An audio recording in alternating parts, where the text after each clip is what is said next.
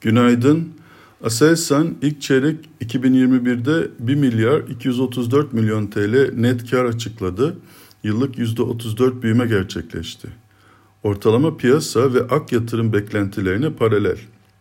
Faaliyet karlılığındaki büyümeye ilave faaliyet dışı ve finansal gelirlerde artışlar da vardı. İlk çeyrek ciro yıllık %22 büyümeyle 3 milyar 173 milyon TL olarak gerçekleşti ve, ve beklentilere paralel geldi. Tüm yıl içinde e, şirketin öngördüğü yıllık %40-50 büyümenin altında kaldığı satış büyümesi ancak satışlarda mevsimsellik var. Tüm yıl cironun yaklaşık %45'i son çeyrekte gerçekleşiyor. E, Aselsan ilk çeyrekte 114 milyon dolar tutarında yeni sözleşme imzaladı. Bu geçen yıl aynı dönem 350 milyon dolardı.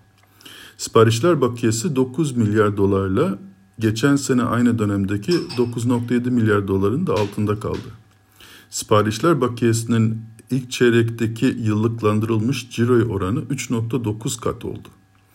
İlk çeyrek FAVÖK %23 büyüme ile 761 milyon TL olarak gerçekleşti ve beklentilere paralel geldi. %24 e, FAVÖK marjı geçen seneki %23.9'a yakın. Yüksek gelen FAVÖK marjı olumlu kur hareketinden kaynaklandı.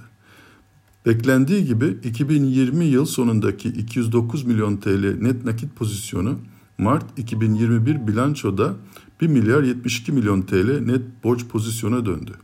Sözleşmelerde ödemelerin çoğunu devlet yılın sonunda yaptığı için Aselsan'ın bilançosu o zaman tekrar net nakite dönmesini bekliyoruz. İlk çeyrek sonuçlar beklentilerimize paralel geldi ve tahminlerimizde değişikliğe gitmedik. Ancak ağırlıklı ortalama sermaye maliyeti varsayımlarında yaptığımız değişiklikler sonucunda Aselsan için 12 aylık hedef fiyatı 20 TL'den 18.50 TL'ye revize ettik. Son dönemde hisse fiyatında görünen düşüşle alım fırsatı doğduğunu düşünüyoruz. Dolayısıyla önerimizi nötrden endeksin üzeriye revize ettik. Şimdilik aktaracaklarım bunlar. Herkese iyi günler.